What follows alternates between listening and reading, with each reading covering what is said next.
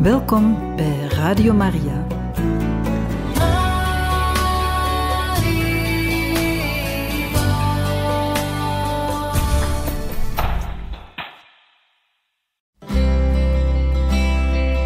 Welkom bij Boekat, een programma van Radio Maria.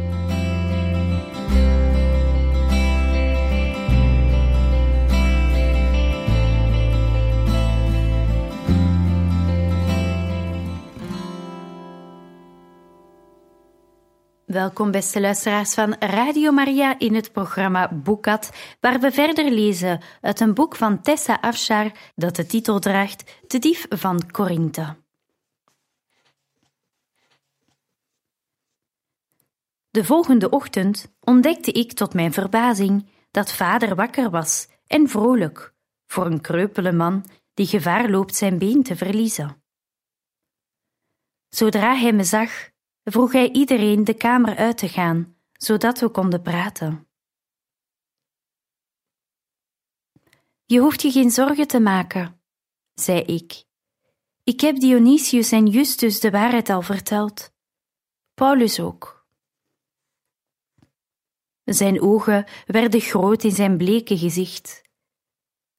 Ariadne, ik wilde je beschermen. Ik viel op mijn knieën naast het bed. U bent de beste vader die een vrouw zich kan wensen. Ik verdien u niet, maar het wordt tijd dat ik de gevolgen van mijn daden draag. Dionysius heeft me al vergeven. God ook, heeft Paulus me verzekerd, want ik heb hem om vergeving gevraagd. Nu is het uw beurt. Ik vraag u om vergeving, mijn geliefde vader. Mijn keel was dik van tranen. Ik vraag u vergeving voor mijn opstandigheid, voor mijn onnadenkendheid, mijn egoïsme, waardoor ik geen rekening heb gehouden met uw wensen. Ik vraag u me te vergeven dat ik u zoveel pijn heb aangedaan en ik u uw gezondheid heb gekost. Nu huilde hij ook. Ik schenk je vergeving van harte. Hij trok me overeind en liet me naast zich plaatsnemen. Je hebt je grootvader nooit ontmoet, mijn vader. Dat was een fantastische man. Hij is gestorven voordat jij geboren werd. Hij is me te vroeg afgenomen. Ik weet nog dat hij me trappen leerde lopen.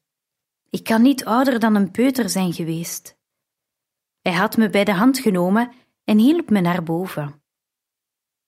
Bij de derde tree verstijfde ik. Ik kon niet naar boven en ik kon niet naar beneden.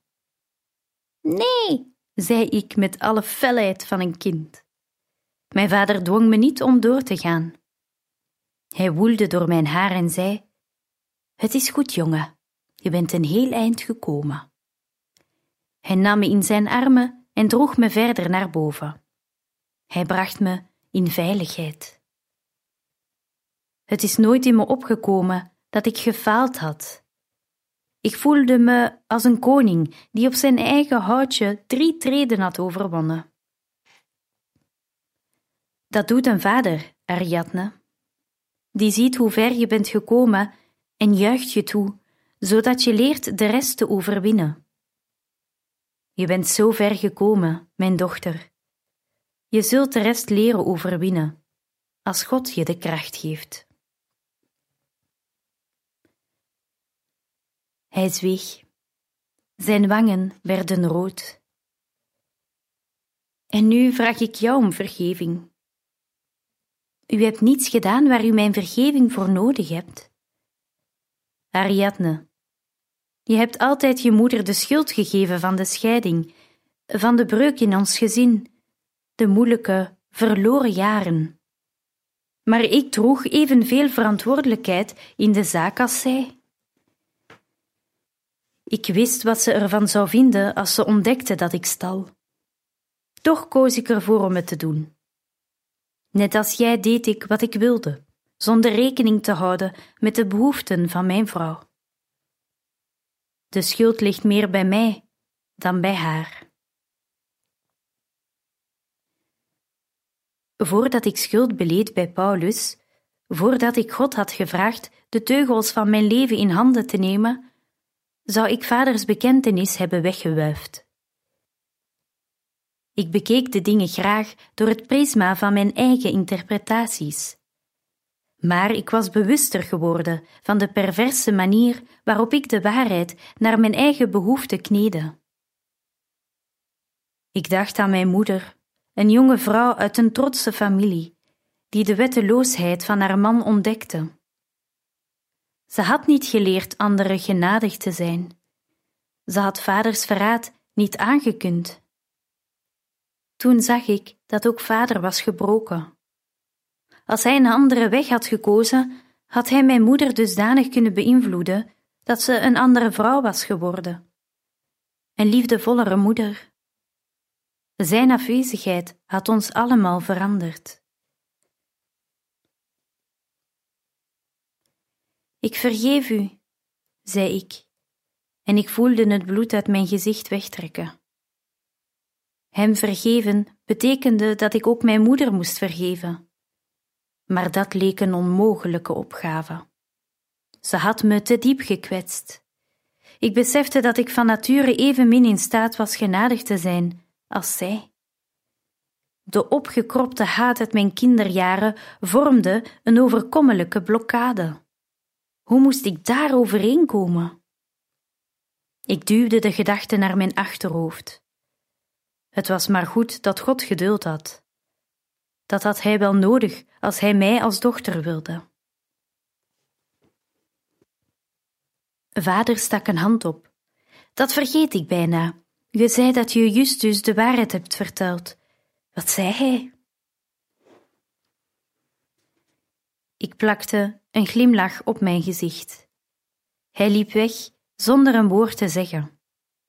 En hij is sindsdien niet terug geweest. Vader blies langzaam zijn adem uit. Dat is jammer. Misschien verandert hij nog van gedachten. Sommige mannen hebben tijd nodig om hun gedachten te ordenen. Als hij je afwijst, dan is hij niet de man voor jou. Wie zegt dat hij de man voor mij moet zijn? piepte ik. Hij lachte, een scheef lachje.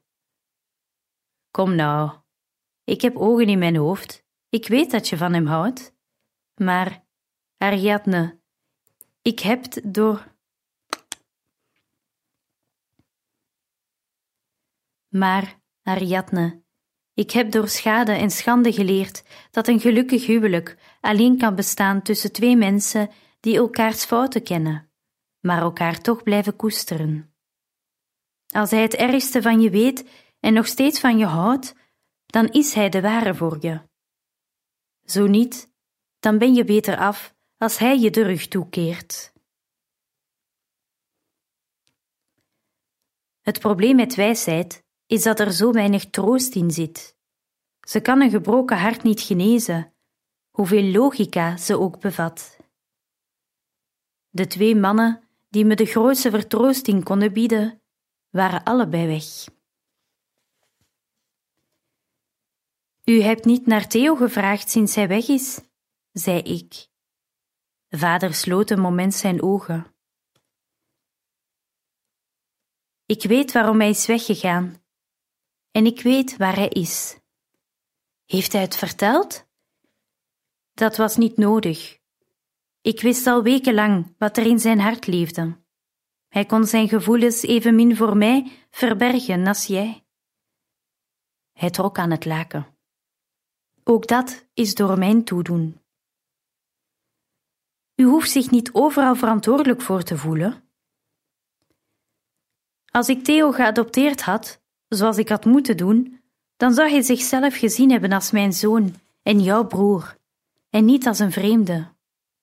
Maar ik heb een wereld van onzekerheid om hem heen geschapen. Om ons allemaal. In die onzekerheid bekeek jij de wereld van de ene kant en hij van de andere. Weet u waar hij is? Hij verblijft bij Priscilla en Aquila, vrienden van Paulus. Vrienden van Paulus? Hij moet een nieuwe start maken, Ariadne. Het is een veilige plek om te genezen. En hij heeft God nodig. Priscilla en Aquila zullen hem die dingen bieden. Heb je hen ontmoet? Ja, het zijn bijzondere mensen. Ik hoop dat je hen op een dag zult ontmoeten. Ik hoorde de deur. Galatea kwam binnen. Neem me niet kwalijk dat ik stoor, meester. De arts is er. Celsus kwam met grote stappen binnen, met in zijn kielzog zijn jonge slaaf die een smetteloze lederen tas droeg. Binnen enkele ogenblikken had hij zijn instrumenten uitgestald. Ik zag een levensgevaarlijke uitziende zaag en mijn adem stokte. Celsus begon het verband om vaders been af te wikkelen. Deze doeken moeten elke dag verschoond worden, verklaarde hij. Hij leek verrast door het ontbreken van een buitensporige zwelling in het been. Fronsend duwde hij op de plek van de breuk, zodat vader in elkaar kromp. Ik moet toegeven dat u veel beter vooruit bent gegaan dan ik had verwacht op grond van de toestand waarin u verkeerde toen ik dat been voor het eerst onderzocht. Ik kan het nauwelijks verklaren.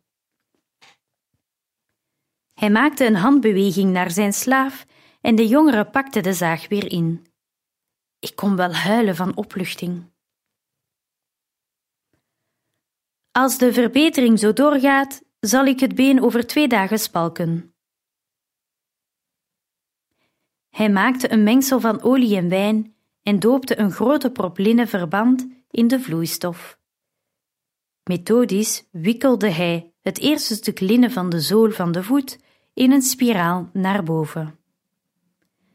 Het tweede verband werd de andere kant opgewikkeld, over het gebied van de breuk. Toen spreidde hij een bredere laag pluksel over het verband en nog een verband begon met meerdere spirale wendingen om het been. Morgenochtend kom ik terug. Hij glimlachte zuinig. Als u in dit tempo blijft genezen, roep ik mezelf uit tot genie en maak ik mijn tarieven nog hoger dan ze al zijn.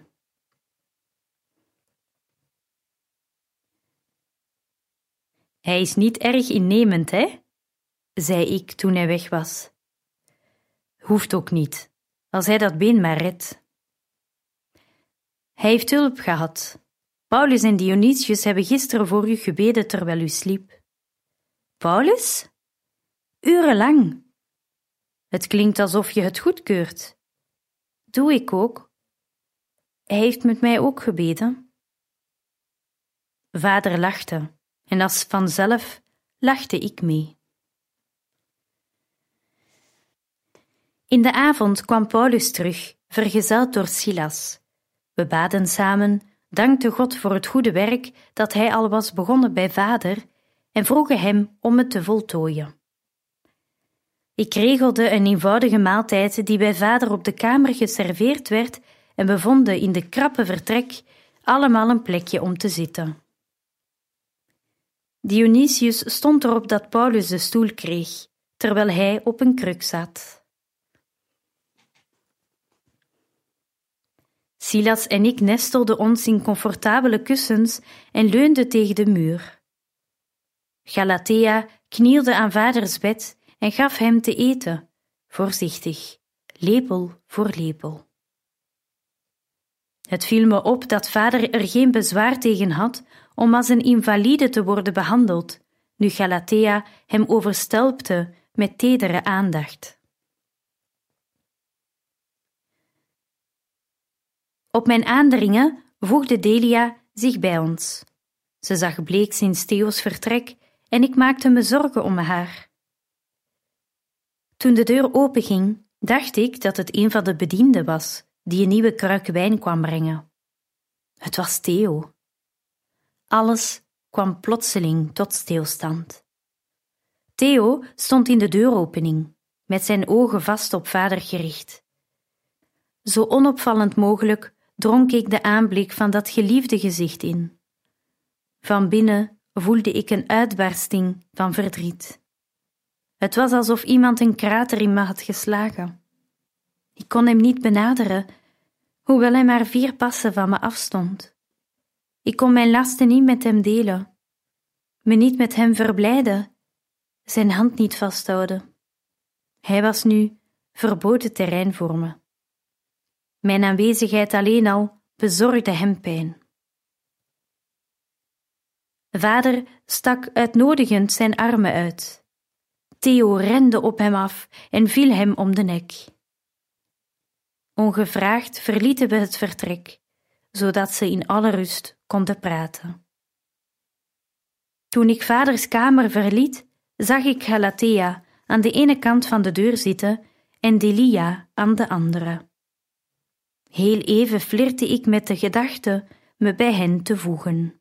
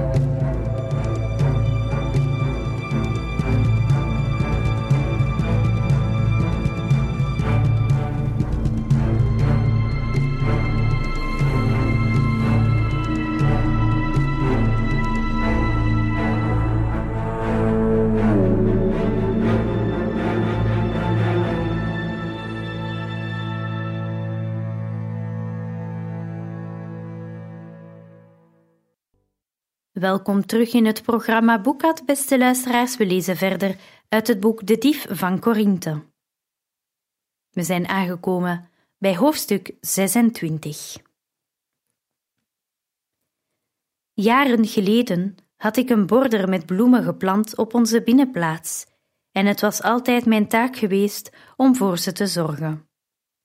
De laatste tijd had ik ze een beetje verwaarloosd, en de anemone, lavendel en rozenstruiken zaten vol dode bloemetjes. Het was laat op de avond, te laat om te tuinieren. Mijn overbelaste spieren waren niet in vorm voor de eenvoudige eisen van lentebloemen. Maar mijn hoofd was te rusteloos om te slapen en ik zette me neer voor de planten, om bij het licht van de brandende lampen verdroogde blaadjes en dode bloemen te verwijderen.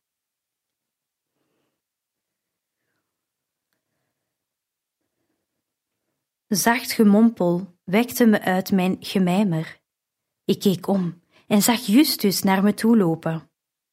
Ik sprong op en trok een grimas toen mijn rug bezwaar maakte tegen die plotselinge beweging. Hij kwam dichterbij en keek me een tijd lang onderzoekend aan. Schaduwen dansten over zijn goudbruine huid en kleurden zijn groene ogen. Hij zag er vermoeid en afgetopt uit. Hij oogde verwond. Ik schaamde me een beetje.